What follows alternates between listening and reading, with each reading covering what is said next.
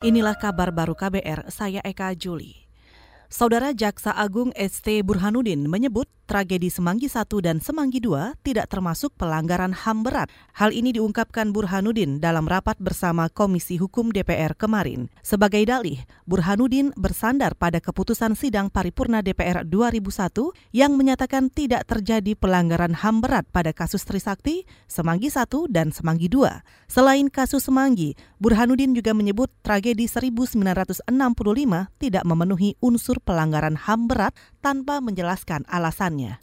Bahwa untuk peristiwa 1965, Semanggi 1, Semanggi 2, telah ada hasil rapat paripurna DPR RI yang menyatakan kedua peristiwa tersebut bukan pelanggaran HAM berat. Jaksa Agung Burhanuddin juga memaparkan berbagai hambatan dalam penyelesaian kasus HAM berat masa lalu. Kejaksaan menangani 15 kasus pelanggaran HAM berat, tiga di antaranya diklaim sudah dituntaskan, yakni kekerasan di Timor Leste 1999, tragedi Tanjung Priok 1984, dan kasus di Abepura, Papua 2000. Menurutnya, 12 kasus HAM yang masih mangkrak sulit diselesaikan karena tidak cukup bukti. Anggota Komisi Hukum DPR Taufik Basari mengaku kaget dengan pernyataan Jaksa Agung ST Burhanuddin yang menyebut tragedi Semanggi 1 dan 2 bukan termasuk pelanggaran HAM berat. Politikus Partai Nasdem ini mengatakan keputusan itu akan menutup harapan korban untuk mendapat keadilan atas penuntasan tragedi yang menyebabkan tewasnya warga sipil. Taufik Basari juga khawatir jika kasus tersebut ditutup, maka akan melanggengkan praktik impunitas atau kekebalan hukum terhadap para pelaku. Saya menyayangkan ketika kemudian um, ada keputusan yang menyatakan bahwa kasus Semanggi itu bukan merupakan pelanggaran HAM uh, berat, karena akhirnya akan menutup uh, harapan korban uh, untuk meminta penuntasan terhadap kasus tersebut. Ya.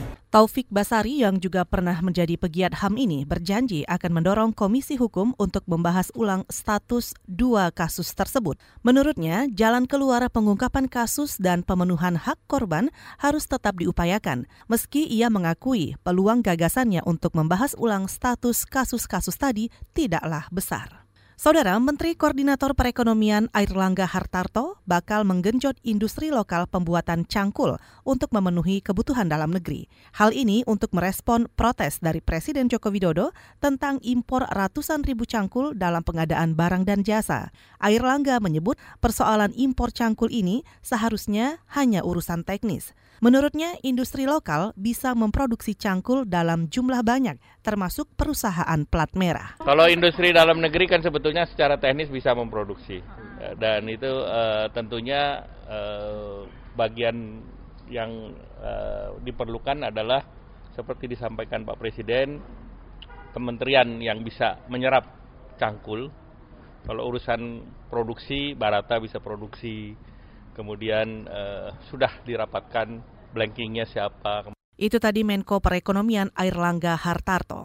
Sementara itu Menteri Perindustrian Agus Gumiwang menyebut impor ratusan ribu cangkul itu disebabkan kurangnya kesadaran bersama terhadap potensi industri dalam negeri. Ia bakal memerintahkan tim nasional peningkatan penggunaan produksi dalam negeri untuk mengkampanyekan produk-produk lokal agar menjadi prioritas dalam belanja modal dan barang di kementerian dan lembaga.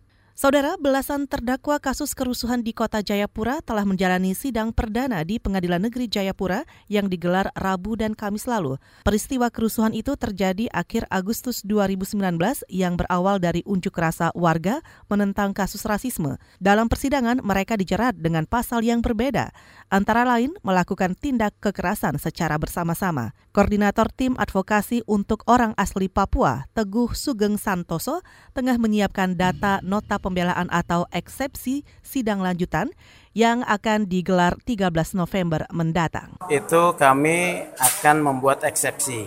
Eksepsi kami nanti kita sampaikan poinnya bahwa perkara ini bukan perkara pidana semata. Tidak bisa menyederhanakan masalah Koordinator Tim Advokasi Orang Asli Papua, Teguh Sugeng Santoso menambahkan, kerusuhan yang terjadi akhir Agustus lalu dipicu kasus rasisme, pelanggaran HAM, dan penindasan terhadap warga Papua. Demonstrasi itu merupakan ungkapan protes atas ketidakadilan yang selama ini mereka alami. Saudara demikian kabar baru, saya Eka Juli.